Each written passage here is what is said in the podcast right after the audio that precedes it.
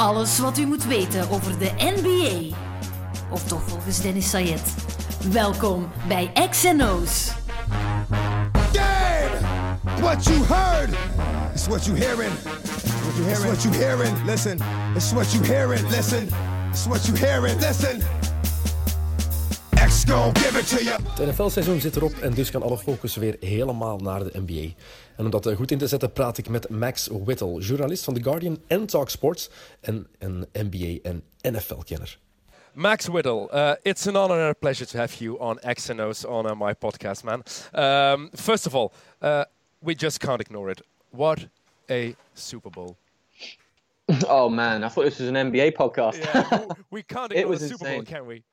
The the funny thing was uh, when it was about three o'clock in the morning, and I was doing an NBA uh, report on on radio, and I was trying to watch the NFL at the same time, and it was going towards the end of the fourth quarter. What Tom Brady did in that game, and you hear you hear about the statements. He's the best ever now. He's uh, you know the goat, the greatest of all time.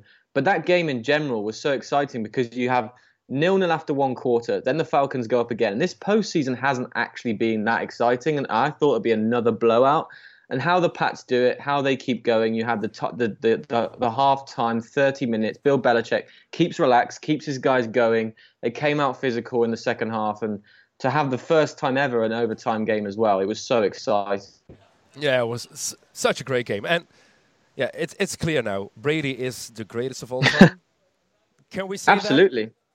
I think we can because there's always that sticking point when he had four championships. Joe Montana had four. Terry Bradshaw had four, even though we forget about Bradshaw. But now that he's had five and he's gone to seven, and I think he's won 11. Uh, he's gone won 11 division titles as well. The- um, if you go back to 2001 when he came in after Drew Bledsoe got knocked out by Mo Lewis and Brady comes in, if you go back and look at just pictures of that time, it shows you how old and how long ago it was. so to have the same quarterback and the same coach in such a physical sport as well, I, I really don't understand how they've done it. Especially Where, where were you watching it, by the way? watching at home, just at home, relaxing uh, on my couch, watching the game. Uh, the best way. Yeah, it's the best way. But especially what you said last, uh, it's such a physical sport. That makes it so amazing that they can do it year after year after year. They, they won two Super Bowls in the last three years, and Tom Brady is 39 years old. Um, it's, it's just amazing. But I do feel bad for the Falcons. Oh, those Atlanta Oh, yeah. Oh, no, no, no. The strip clubs It's were already, already booming before the second half started in Atlanta, and it all, yeah, it all went bad. they Raw thought- went they- sour. they thought it was over. I mean, one thing about the Pats is that Brady went 10 years without winning a championship after he won his first three. 10 years between that. So it's a mini dynasty again, two and three years. But Atlanta, you know, when you're a Pats fan and you win the championship, I think this is the first time where they've really felt bad for the opposing team. Because the Falcons have never won a, they've got I think one championship between all the franchises in that in that city. 1995 was it? And they they should have won more with with that ball with that rotation back in the day. So Atlanta a city of failures and moving into a new stadium next season imagine going into that with a Super Bowl championship Matt Ryan needs that ring before we can talk about him as a Hall of Famer Uh, totally agree. Um, speaking of the GOAT, we talked about Brady. Please tell me Michael Jordan is still your GOAT in basketball. Please. just about but uh, LeBron is doing his best to to stop us talking about him no, you can't be serious. Come on, Max. I'm so tired of the LeBron comparison, for real. Uh, I'm sick and tired of it. Best best all around basketball player of all time. If LeBron if LeBron wins two more championship, even one more, and keeps this up, no injuries, stays in the game, doesn't go to baseball for a season. How can you not say all around? Michael Jordan will always be the best basketball player ever. But if we're looking at everything, LeBron just passed, I think, Ma- Magic in steals. He's gone past someone in assists. He's now like number 12 on the all time list. He's going to be top three in scoring. Statistically, you won't get a better player than him, I don't think. You know what it is? LeBron has the most impressive career as a whole. If you see Mm. everything he's, went, he's gone through, he started as a prodigy in high school, the chosen one. Um, he got that label when he, when he was 16 years old. I think we often forget that. He was 16 when they called him the chosen one on Sports Illustrated. That's so young. I was a kid when I was 16. I'm 31, I'm still a kid. But when I was 16, and he had to be an adult in one time. 18 years old, the whole savior of Cleveland, of the city, everything he went through. That's that's impressive. Everything he did. But what And you know bothers what? me, what bothers me about LeBron, what happened is he took some time off, and I mean that in 2010 against Boston, he took the series off. A year later against the Mavericks, he took the series off. And that bothers Poor- me. And that's something Yeah. Michael never did. He never took a game off in the playoffs. never. Well, he was playing baseball. I gotta go back to that. Just, just. I know he did it for his dad. Um, I I think Yeah, with or- or LeBron, the most suspension, or the suspension. the most uh, you can go look LeBron. You can talk about the the conference finals. Paul Pierce, I think, rattled him in one of those series. You can talk about the cramp. You can talk about him going to Miami to train and his relationship with Dwyane Wade. But like you mentioned, the Sports Illustrated cover at that age, and the only thing he's done wrong is the decision. The only bad decision he has made off the basketball court is setting up that stupid interview. It was a farce.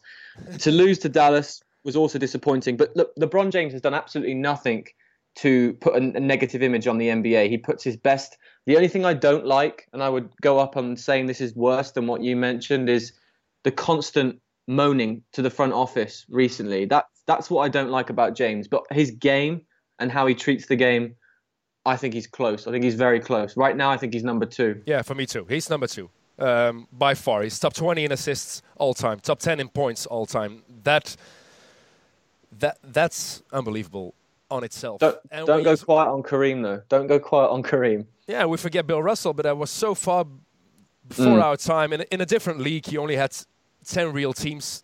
That's so difficult to compare. Uh, we're forgetting about Larry Bird, who has such a short career, actually, because of his injuries. Ma- Magic Johnson, too, if he didn't get the HIV virus, who knows what could have been. Um, so that all changes that perspective. But yeah, LeBron is coming close. But to me, maybe that's unbiased. I love Michael Jordan too. You are- He's, you he's, are he's very my, he's- biased. He's, my, he's my, my, my childhood hero. Well, Kobe was my Kobe was my childhood hero. I was a big Laker fan growing up. He was the guy I came up through because I I was born in '92. So Jordan, by the time he finished, Yeah. I, I still hadn't really got into the NBA. And and what would I say to this? We just talked about Brady and winning five, going over Montana. If LeBron finished his career with seven championships, Mm-hmm. would would you be swayed? He would have had. So if he wins three, If he uh, beats four Michael. yeah, Yeah. that would be that would be too crazy because he he'd have to play four more finals. That would mean many?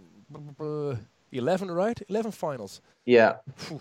The over under on LeBron to finish his career and, and get to the finals every year until he retires, I would put I would put money on that right now because if he's in the West, it's a, it's a different story. But In the East, I- oh yeah, of course. yeah, but you know you, you've got mate Larry Bird. By the way, he was in London a couple of weeks ago. The Pacers and the uh, Nuggets were here. Yeah, I And- talk to uh, Thierry Henry in London too. Yeah. Yeah, he he he, he wasn't as he wasn't as uh, easy to speak to as some of the people around. Uh, I will say that. But Larry Bird was sitting in the same seat that he does uh, in Indiana, the same vantage point, and he's so big. Like you, you have no idea until you go up and see him, and it's such an interesting character. No one was able to go and speak to him. The media in the stand, completely shadowing him. Definitely the biggest name in the arena, and you, you just spotted him. You could see him from a mile away. Yeah, Thierry Henry, our uh, assistant manager of our national football team, he had a talk with him. Um, so when you when you're a great football player or you were a great football player, you can get to Larry Bird. But other than that, I think it's still impossible to get to LeBron too. By the way, um, if you watch what's his name, Guillermo of uh, the Jimmy Kimmel Show, he tries it every year at the finals to get to LeBron, fails every time. But Well, I- Ch- Charles Barkley has to get to LeBron.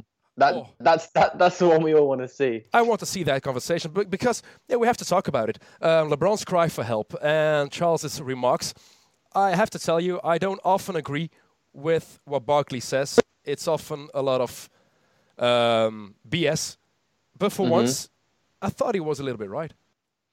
Well, I love Barkley. I, I think Barkley is the best analyst the NBA's ever seen. And this whole weak media storm we had a couple of weeks ago, LeBron calling for another playmaker. You know, we we've got a remaining roster spot. We need to fill it.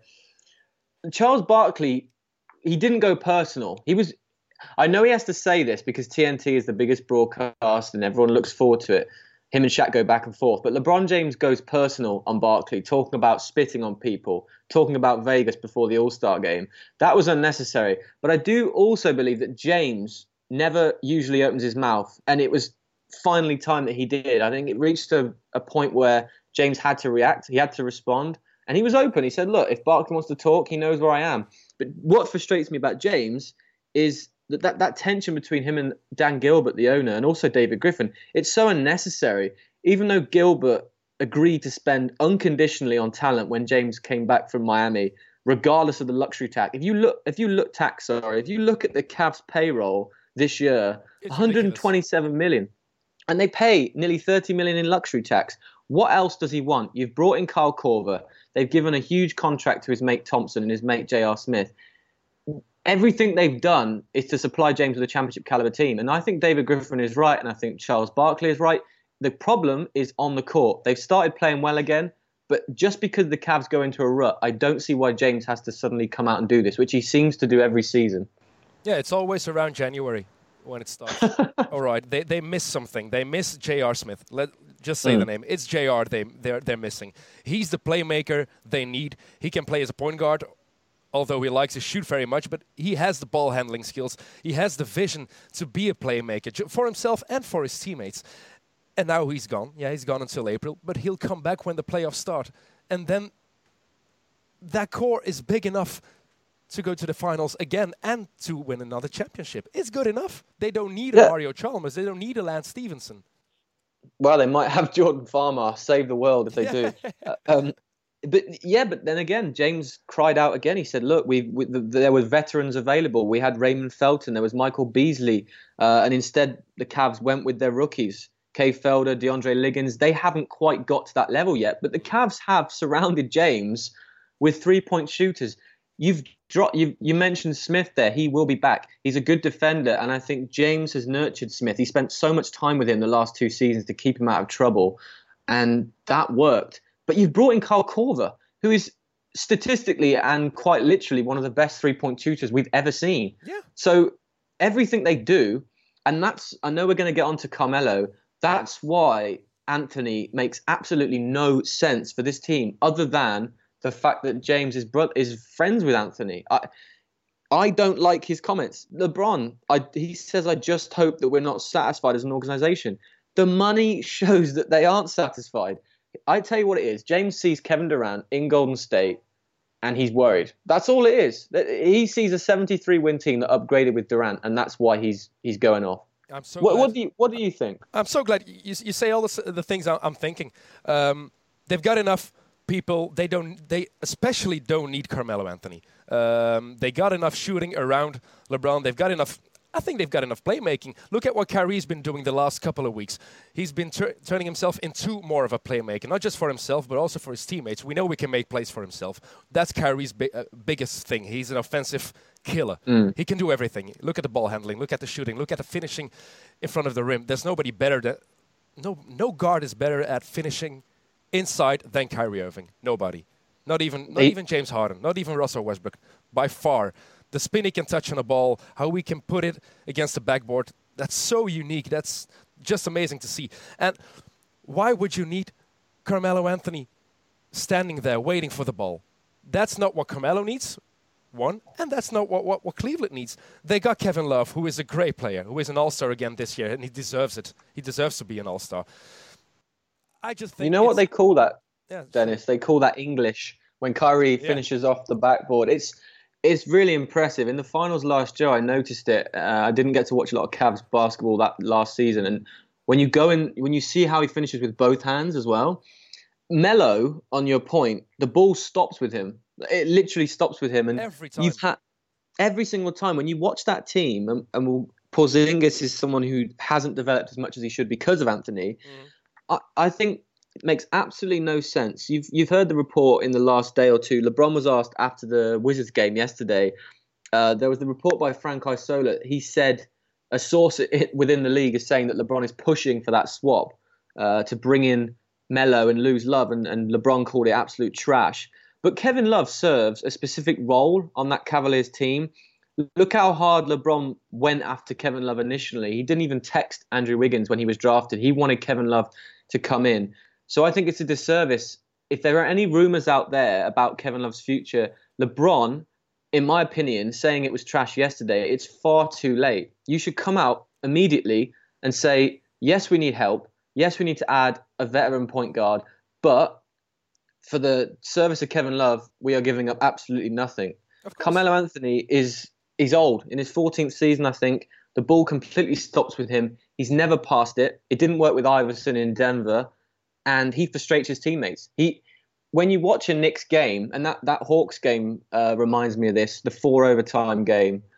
Paul Millsap played an hour of basketball, unbelievable. Melo got the ball on the post, and every time he did, every player around him, you've got Porzingis, you've got Rose. It would they were just watching because they knew that Anthony wasn't going to pass. And, and that's what the Cavs system is predicated on, is moving the ball and sharing it. I've seen a lot of Knicks games this year, and it happens every time in the fourth quarter. Or Derrick Rose wants to do it on his own in the fourth. Yeah. Or Carmelo Anthony is waiting for the triple team, then he passes the ball. Kristaps Porzingis, he doesn't get a ball in the last five minutes of a game. He doesn't ever get a ball that frustrates me, and that's what what's holding him back, I think, too. But first, yeah, we got to talk about Kevin Love first. I think a lot of basketball lovers, a lot of basketball fans, forget how good he really is. We see Kevin Love waiting for a three-point shot, but we forget all the other little things he's doing. He still fights for his rebounds. He's one of the greatest rebounders we've had in the last 10 years in the league. And people ignore that. And that bothers me a lot it bothers me too because you look at Kevin Love this season, he's in the best shape of his life. I mean, I, I know everyone says that about every single player. When you're in pre preseason workouts, he's in the best shape of his life. Well, Kevin Love literally is. Does a lot of yoga, looks strong, and last night against the Wizards, I think he had 39 points, 12 rebounds. And I love the way the Cavs go to him so early. If you watch a Cavaliers game, they always look for Kevin Love early. So he goes down to the post, LeBron finds him down there. He get he gets comfortable, gets his early baskets. Then he'll step out to the three. He can shoot the three. I think he's shooting 46% from there. And his averages, first two seasons in Cleveland, he was hovering around 16, 17 points. Now he's close to 20. He's a double double guy again. And we forget because he's with LeBron James how good he was in Minnesota. He was an all star, averaging 25 and 12. He, he was one of the best players. Player. He was a top 10 player. He was, and, and I think there is a certain stereotype about a big man, especially like Kevin Love, and and we don't we look past it. And because he's playing with James, he doesn't get the attention that Irving and LeBron do. Kevin Love is their third best player. He's got a specific role in that team. He's playing well this season. Tyronn Lue has incorporated him, and that was one of the key things that Lue had to do when he came in last season, replacing David Blatt. Was what do we do with Kevin Love? And we talked about how every single season LeBron shouts out in January. Well, last March, I remember the Cavs, they were in Brooklyn on a trip on the East Coast, and that team did not look happy. They did not look like they were in sync. They had a big team meeting after that game, and then they went on and won the NBA Finals. The rest is history. And Kevin Love was key to that meeting because he wasn't happy with how his role in the team. And I really think that since that time, Love's found a way to get into that system. He's found his spots. He's not just a three point shooter anymore. Look how well Chris Bosh adapted with Wade and LeBron. That's exactly what Love's done. And, and look at last night. Uh, they played the Wizards. They defeated the Wizards, the red hot Washington Wizards. Yeah, it's really strange to say. 17 game winning streak. That was amazing by uh, John Wall and his friends. But you had LeBron with a clutch shot. You had Kyrie, 11 points in overtime. But are we really forgetting that amazing pass from Kevin mm. Love to LeBron James? That was the play. The pass was the play. I was just going to mention that he he one-handed it. It was like water polo. He just launched it full court, and that's what he does a lot. Right on the money. All, all on the money. And it, LeBron's a big guy to find, but uh, Love tries that a lot. The Cavs try that a lot. If, if the team score a quick basket, you'll you'll usually see Love or Thompson grab it, get to the baseline, and launch one for LeBron or Kyrie down the court.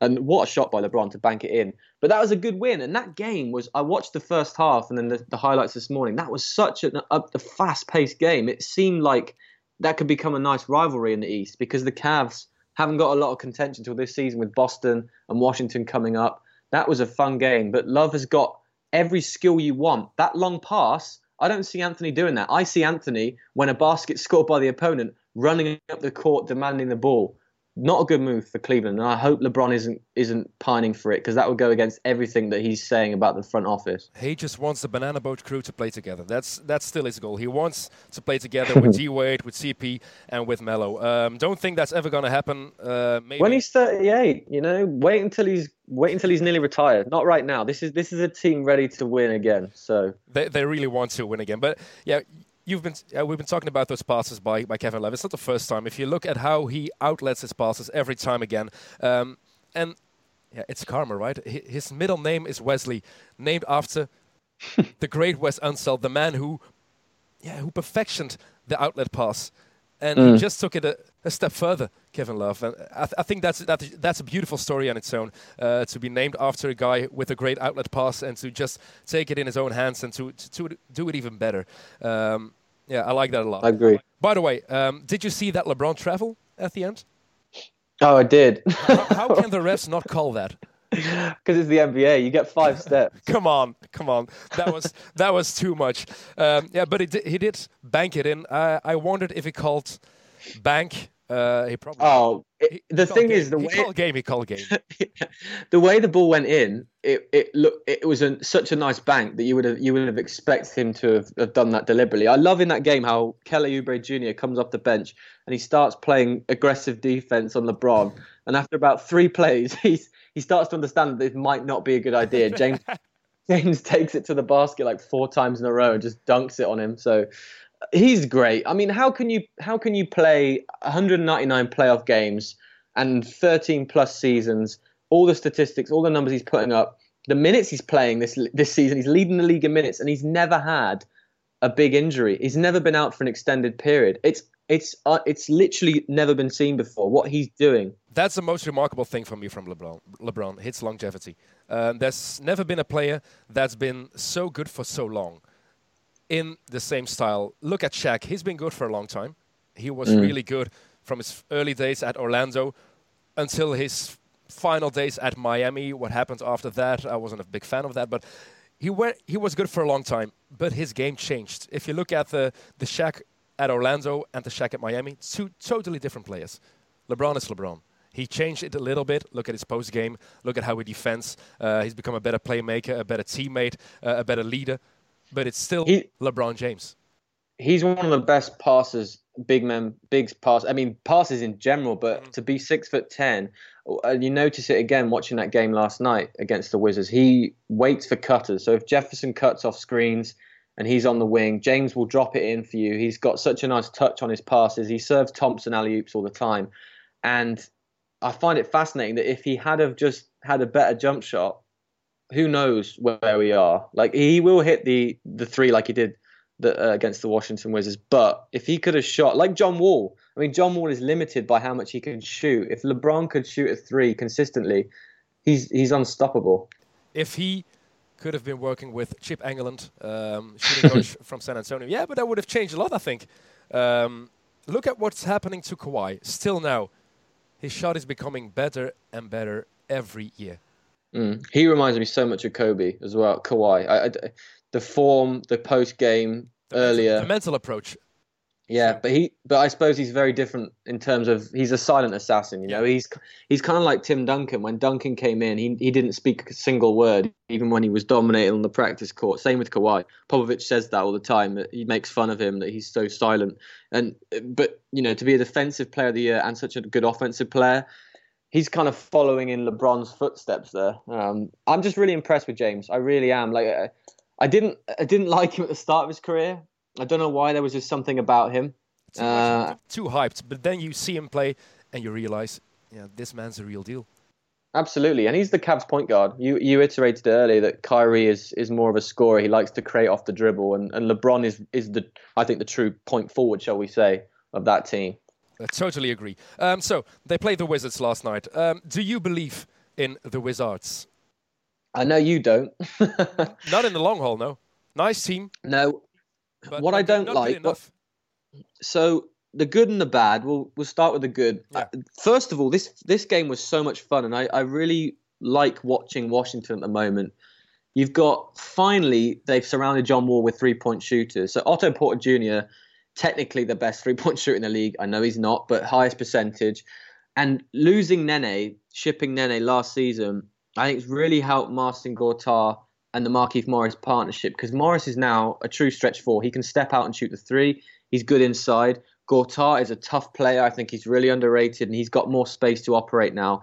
And Bradley Beal, uh, they had this idea against the Celtics, you know, when they wore funeral attire, they all came in black because yeah. it was a big rivalry and it was Beal's idea. That and again, so this, oh, it was brilliant and it, it worked. And they made it, they made it a rivalry. They made it an important game. And it was the same last night. I wanted to see Beal, who's been scoring in bunches against the Cavs, guarded by Shumpert and Kyrie. How would he do? Well, he scored 41 points, eight assists, and John Wall hasn't had the best relationship with him in the past. Those two seem to be really firing. They've, they've surrounded Wall with shooters, like I say, but the lack of depth worries me a little bit. Well, a lot. You've got Trey Burke with Wall, Kelly Oubre Jr., like I mentioned, guarding LeBron, Jason Smith, who came over from Orlando, and Thomas Satoransky. So they haven't got a lot on the bench. But I do like that starting five. I think they've always had potential. And if you're looking at players that such good players that want to get out of positions like Anthony Davis in New Orleans, like John Wall in Washington, like DeMarcus Cousins in Sacramento, very good players that would love to be out of their situations. Paul George in Indiana is another one. But I think with the talent Wall has got, if they can add a few pieces with Scott Brooks, who is literally determined as hell from from what happened in OKC to, to succeed this season, I think they've got a chance um, in the playoffs. Could, think about it. They were, you know, uh, a John Wall injury away from the Eastern Conference Finals two years ago when Paul Pierce was going mad. They, they're not that far away. No, they they were really close. That's true. But you don't like, yeah, do you? I, I, like, you don't trust. Let me tell you, I like the team. I like the starting five, just like you do. I like the pairing John Wall and Gortat. Gortat is one of the most underrated centers in the NBA. How he rolls after a screen, how he sets a screen. I don't think there's anybody in the NBA who, who sets better screens than Marcin Gortat. Look at how he how he stands, always still. He rolls at the right time. He uses his entire body to set a screen. It's just amazing to watch. Actually, that's a clinic for some big guys. How to pick and roll. Look at Marcin Gortat. Um, I think that's that's someone who's really underestimated. But it's only the starting five. You've got nothing more. Porter, great season, playing a good season. He's a borderline all star. Uh. Bradley mm-hmm. Beal, too. The only issue with Beal is we know about his talent. We knew about his talent. Even when he was playing for the Gators for Florida, we knew it. But it's the injury beast. It always comes yeah. back. He's had an injury every year, every season. It always came back. Now he's been healthy for a stretch, and it works. You see it. He's a good defender, good enough defender. He's a great shooter if you look at his technique. I, I think only Klay Thompson has a better technique than Bradley Beal in the entire yeah. NBA uh, shooting technique that is. And the pairing Wall Beal when it's clicking, it's really clicking, and now it is. But then you go to the bench, like you said, Thornton, Oubre, Burke, Smith, Nicholson. I actually only like Satoransky coming off the bench. He's good. Brooks just just doesn't use him in the right way. If mm. you've seen Satoransky play at Barcelona, he, he was amazing. He's ready for he, the NBA. He's ready for Washington to, to contribute. But you have to worry. You always have to worry about injuries. I mean, John Wall had the, the, the knee surgery, and he hasn't lost a, a, a, touch. He hasn't lost a step. You you always. You I mean you're concerned with players like Kyrie Irving around the league that have had these injury history, but I just think the way that the conference is lining up this season, Toronto dropping down, I think you've got Washington and Boston there.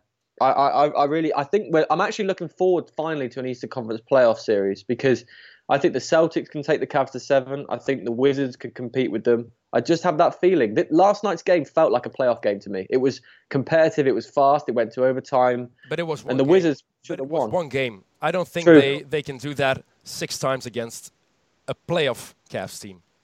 It's February. Look look at the Cavs in April, May. That's a whole different beast.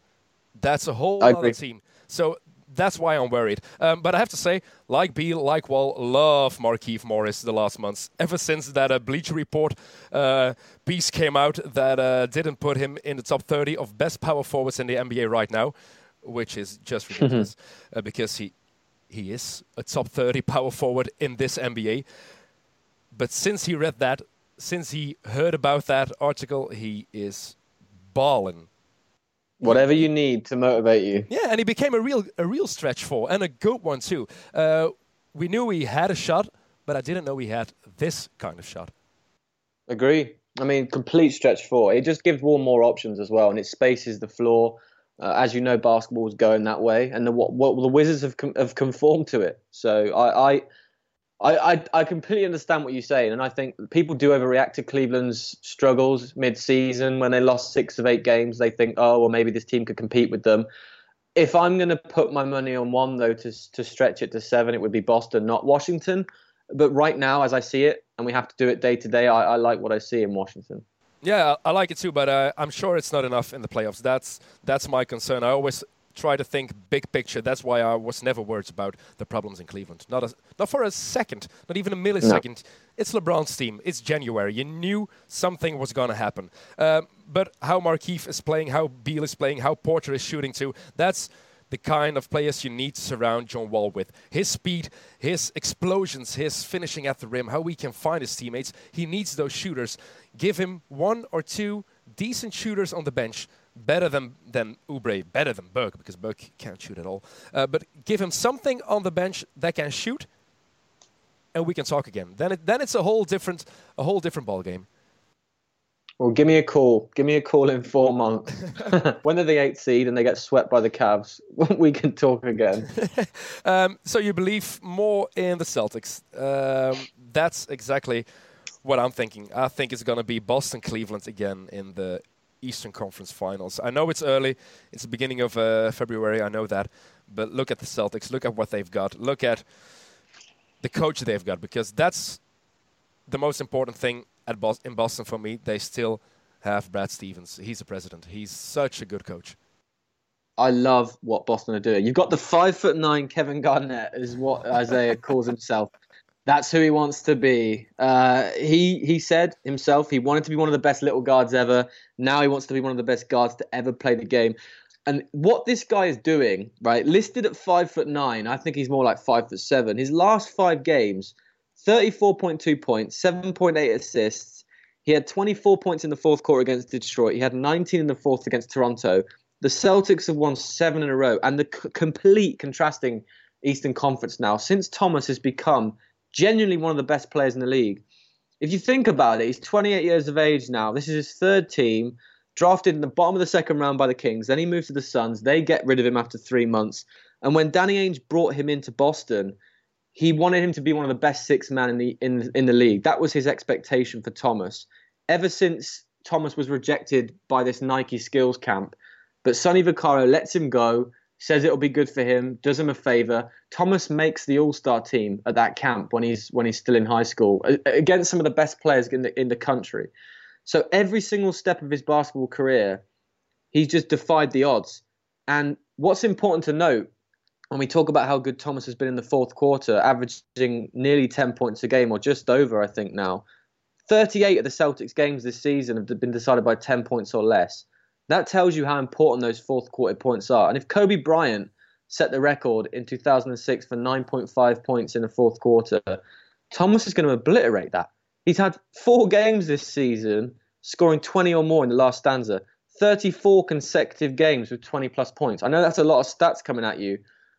Uh, to break it down more in terms of basketball, that Al Horford pick and roll with Thomas is one of the most dangerous in the league. You talk about Gortat, Horford can shoot the three, sets good picks for Thomas. I think Thomas is an underrated passer. He's he's getting eight assists it seems every night now. And the way he protects layups, Dennis, honestly, that's the most impressive thing I think about this whole run is not how he can run down the floor and catch the sh- catch the shot and, and hit the three. He can step off the three off the pick and roll. What I think is most impressive is how he finishes at the basket, how he uses his body to protect the ball against seven foot opponents. He scoops it underarm off the top of the backboard. He is so impressive right now. Really, what what do you think? He's an offensive superstar, with the emphasis on offensive, because what he's doing when his team has the ball, when he has the ball, it's amazing. He he's f- five nine, five ten. What is it? One seventy, one meter seventy. I think uh, that is. I think it's even smaller. Um, they measured it with with his shoes on. But when you see a little guy do the, th- the things he's been doing you just can you can only watch and sit in awe. how he goes to the basket. Like you say, he protects his body. He keeps his shoulders square with the with the backboard, so he creates a lot of space. He's, he's got short arms, but he, he makes himself look bigger, look taller by how he's going to the rim, by how he's going to the basket, how he protects himself, how he protects the ball, and then he's got the range too. We can't underestimate the range Isaiah Thomas is developing because it's expanding. It's it's it's expanding every game. He's stepping further out, and that makes him more dangerous because now we can threaten when he's one, two meters behind the three point line, and then he can use his very quick first step to get to the hole. He's got the little floater, he's got the step back, and he can even do it like Russell Westbrook just stop and pop inside the three point line and get up. And that's unique. He's so good at that dribble dribble pull up as well because it, I saw Kay Felder get absolutely hammered by Jason Smith mm. in the Wizards game, and I'm all I'm thinking about is Felder's the same height as Thomas, and when he gets to the basket, he doesn't look like he's got a single chance of getting the ball out. He looks and like that a midget. He looks like a midget. Yeah. That, that, that's what, what isn't happening with Thomas. When you see him going, he looks like like a, a six foot player, like a six foot guard. And so, and because he can do that, you talk about pulling up over big men. He'll make sure that he has a step on a guy who's falling backwards, trailing him back towards the basket, and Thomas will pull up, hit the shot. And the, and one of the more impressive shots he makes is that one where he runs down the floor when he hasn't got the ball. Say Marcus Smart's got it, and he just dumps it back to Thomas, who's running at speed. He, he's able to catch the ball, lock and load, and fire. He can shoot over big men in the corner. I've seen him do that so many times. And, And, if you're looking it, at he does it without traveling. that's it- important oh, for me too. Yeah, he's got his footwork right down. And and and that, and that if you talk about Larry Bird, 29.9 points he averaged for the Boston Celtics back in the day. That's the most a Boston player's ever averaged. Thomas, I think, is going to get over 30. yeah, I think Steph too. Curry averaged 30 points last season for the MVP award. He is a genuine MVP contender, and I'm happy that the Celtics coaching staff as well will take over the All Star game. I think Brad Stevens is someone that I think Luke Walton is emulating in LA. There was a great piece on ESPN a, a couple of days ago where you know Luke Walton grew up around the Celtics because his dad Bill Walton, when he was a six man in Boston, he grew up with that culture, and now he's coaching in LA, and he sees what Brad Stevens is doing. So impressive, and uh, and I like how Stevens and Thomas resolved that issue that could have could have become a bigger problem when Thomas was moaning about not playing enough basketball in the fourth quarter. Now they have a system where he will rest a lot of the first quarter, start the second, and he pretty much plays the whole entire fourth quarter, which he is defending himself with that Thomas. He's been unbelievable. Uh, and now I think he is he is top 15, top 10 in the league right now. I totally agree. But I have to play the devil's advocate, advocate too, um, because we know Isaiah is good. We know he's a superstar offensively, and he saved his team a lot in the fourth quarter, a lot. But we have to be hon- we have to be honest. He also hurts them in the fourth defensively, because the games are always tight. He's always saving them in offense, but in defense he doesn't do a thing and that really hurts them. They get scored on a lot in the fourth quarter, too much, and that's because one, he's too. Then you can see he's too small. Then you you notice the the height uh, uh, advantage for other players, um, the, the strength of advantage for other players too. He gets bullied sometimes, or he just stands there waiting by the man in the corner, not doing anything. And when you look at Boston, when you look at the defensive schemes the Celtics have, that's a good defensive team but not when Isaiah Thomas is playing in the fourth quarter. I, I, I what what I have seen, and when you, I know you mentioned this to me on text the other day about Thomas's defense, and I, I looked at it and I thought, well, the, the games I've watched for the Celtics, when he gets matched up against, uh, there was the Detroit game when he got matched up against Andre Drummond, he got matched up against Jared Sullinger for rap, and he, he was guarding them physically, and the guys actually struggle to get their shot off. What I think is important for Boston, and I agree with you completely, his height will always be an issue. But whilst he's scoring these points, it's it's unfair to say that. But when they get Avery Bradley back, that's when you can try and hide Thomas because you see it with Golden State. They try and hold hide Stephen Curry on someone if they can't shoot the ball. So the ultimate would, for Boston would be to get a matchup where the Celtics are playing someone who a, a team where they have a player who cannot shoot the ball, and now hide Thomas on him defensively and have Bradley guard your point guard, right? But Thomas for me is such a physical player. He's like Kyle Lowry. He uses his behind very well. Uh, he's he's broad. He's Yeah. strong. Um, he's he's quick, and I think he can work on his defense. But imagine expending that much energy on the offensive side. I think you have to leave it up to the others behind you to to do it. And and as long as he keeps scoring like this, I don't think I don't think the Celtics particularly care about that. No, they don't care, of course, and they won't care when Avery Bradley returns. Uh, like you've been saying, uh, he's a really important factor for that team. I think he's their best defender. Uh, I, I, like Jae Crowder's uh, defense too. Um, his position, kind of Dennis. Just yeah. On Jaylen Brown as well. What do you think of him? Because I think he's awesome. Yeah, you see the potential. You see, there's a lot of work.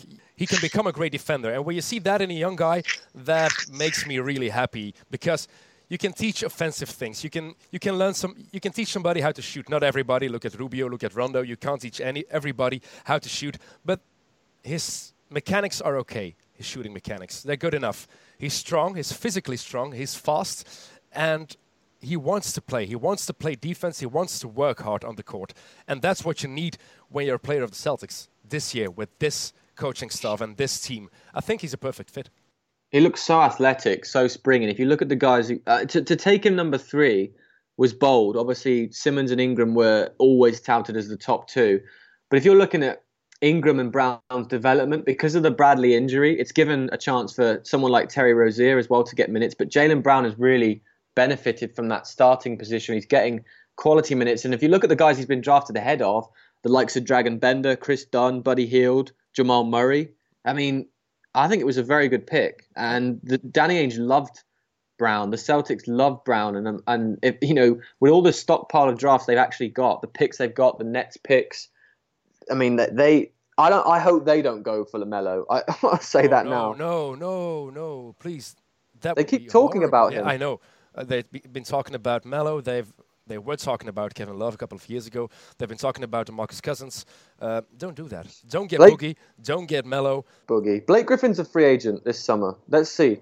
I'm af- yeah, Blake Griffin. Uh, I'm afraid for his career. I think Blake Griffin can become the modern Amar'e Stoudemire. Yeah, I agree. I mean, he, he's he's so much talent, and when you miss your first season, you're always worried, like Embiid.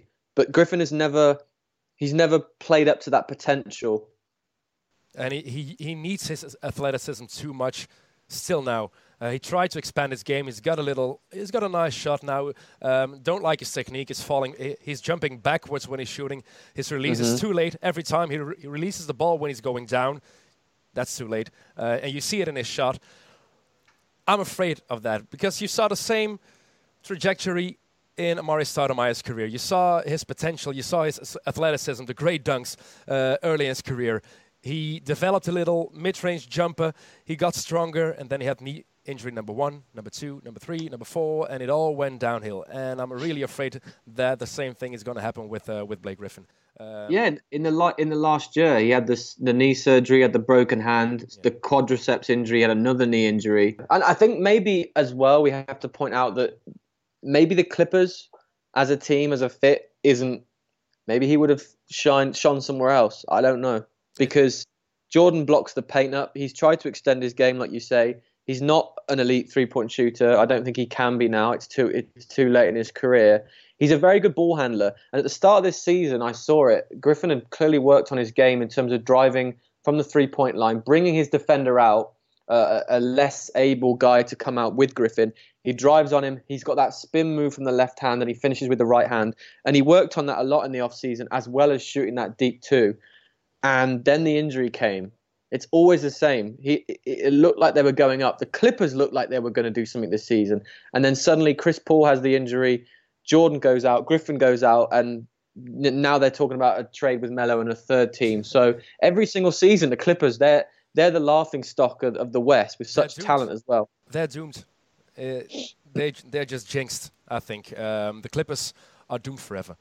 Well, you're I'm doing afraid. when you've got Austin Rivers at point guard. That is for sure. hey, Austin Rivers isn't playing that bad this season. He's playing well. Yeah, I agree. Got to be honest. I, I, I don't like the whole "Daddy saved me out," "Daddy gave me a spot in the NBA." That's easy, but we've got to be honest. He's playing a really nice season. Um, and by the way, it's a shame. Um, it's a disgrace actually that Chris Paul wasn't selected as an All-Star reserve. I know he's injured. He wouldn't be able to play, but he should have been selected by the coaches. I think it's a disgrace that Austin Rivers wasn't selected. 12.1 points a game. Career high, Dennis. Oh no, give him the MVP. Give him the MVP award. Now, um, who's your MVP, by the way, right now? Because um, a lot of people here uh, in Belgium, yeah, they all love Russell Westbrook. Yeah. Is he your MVP too, or do you have the same one as I have? Um, I'm gonna, I'm gonna, I, I want to guess yours first. Yeah. I, I would never, I would never in a million years give it to James Harden. uh, I think your MVP is LeBron or Kawhi. Oh, I have to disappoint you. It's James Harden. This year. Damn it! I, I'm, I'm not a big fan of his game. I have to be honest, but look at how he's been playing and how he's changed his game. I haven't seen a shooting guard, a shooting player, a scoring guard change his game that much. He's become an authentic point guard. Yes, he still scores in bunches, and yes, his defense could be better. But with how his team is playing, their philosophy, the seven seconds or less uh, with Mike D'Antoni, all the three pointers, how he's leading that team, that's MVP worthy. Take him away in Houston, and the Rockets don't make the playoffs. Now they're a three, a three seed.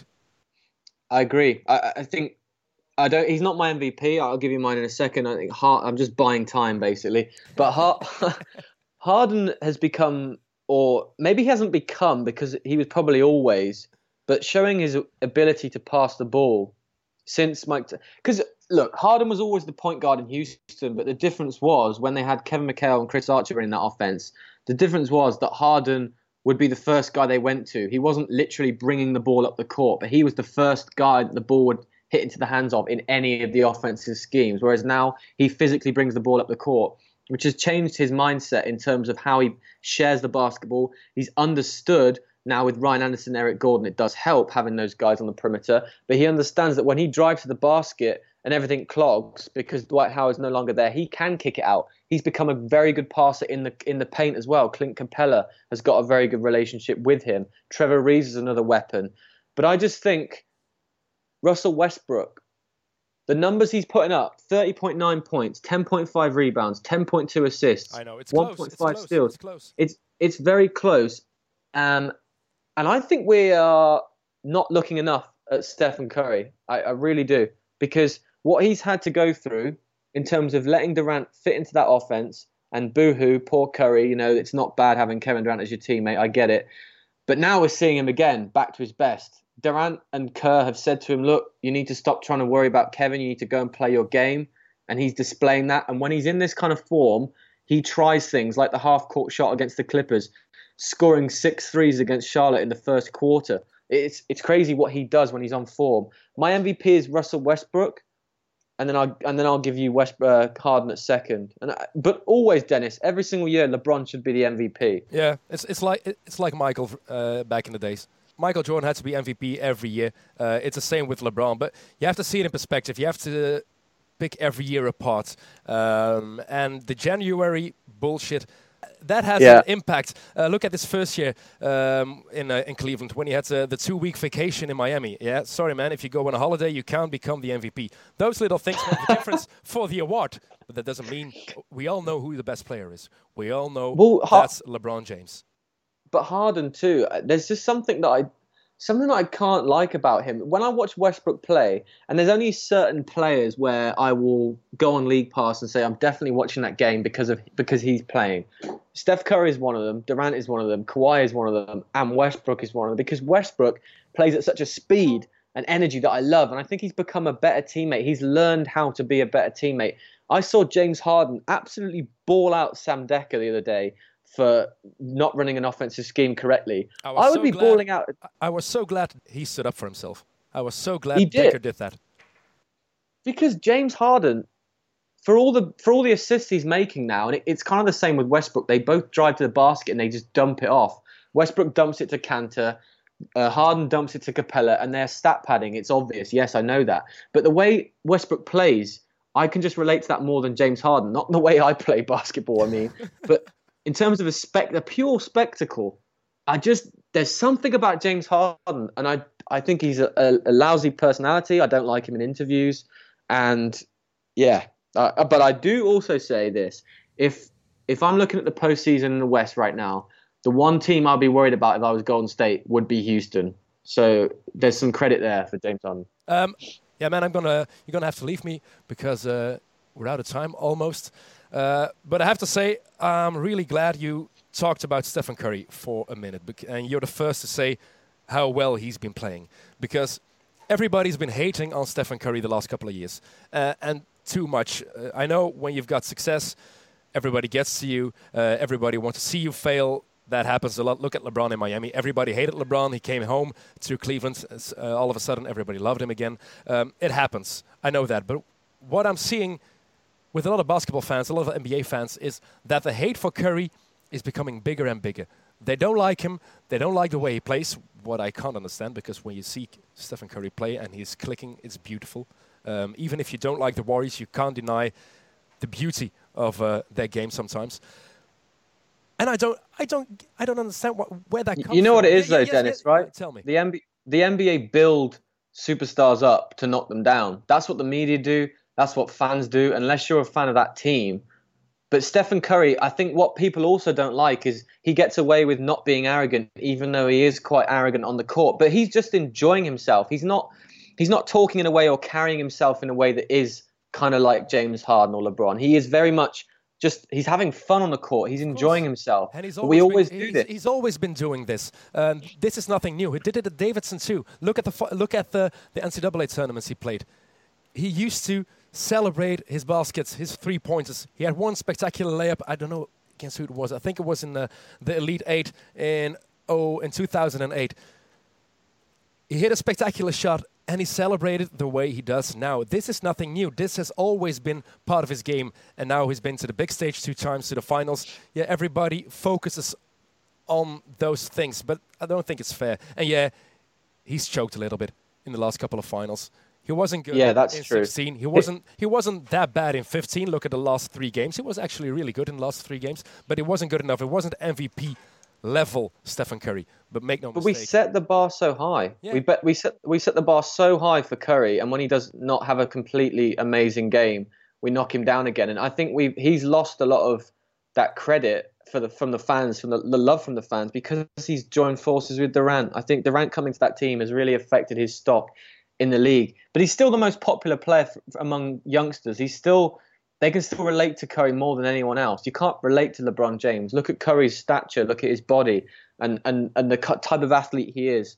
He just does things that other people say, "Oh, I could do that if I become such a good shooter." And I, I still, I'll leave you with this. I still think he's the best player to watch in the league when he's playing as he is right now because he tries things, he shoots threes all the time, and the ball handling talent. We saw it when we were in San Francisco last year. The way he warms up with the ball and then does it in the game. Not many people try things in games that they practice, and Curry certainly does. Yeah, we were standing right behind him, and it was yeah amazing to see. We, what was it? One meter in front of us. He was uh, doing his tricks, his warm up. Um, yeah, when Stephen Curry is playing well, he's he's just an amazing player to see. I, I think we agree too much. We have to change that for the next podcast, Max. We have to oh. change that. We, we don't want to be like we don't want to be like first take. I can't stand hot takes. I, I oh, yeah, hate it. I hate it. I really dislike Skip Bayless. Yeah. example. Stephen A. Smith as well. Not Oh, my not my yes. fa- but all we can say to your audience is that we did not script any of this. So if we agree, it's only because we are talking sense. Maybe we'll we'll try and find something. We didn't agree on Harden. No. There you go. That's that's something to promote. That's one. Uh, the next time we'll have some more uh, interesting topics to talk about. All right, Max, you got to go. Uh, thanks for your time. Um, hope to get you on the podcast uh, real soon again. Uh, thanks for coming, man. Thanks for having me, Dennis. It was great to talk.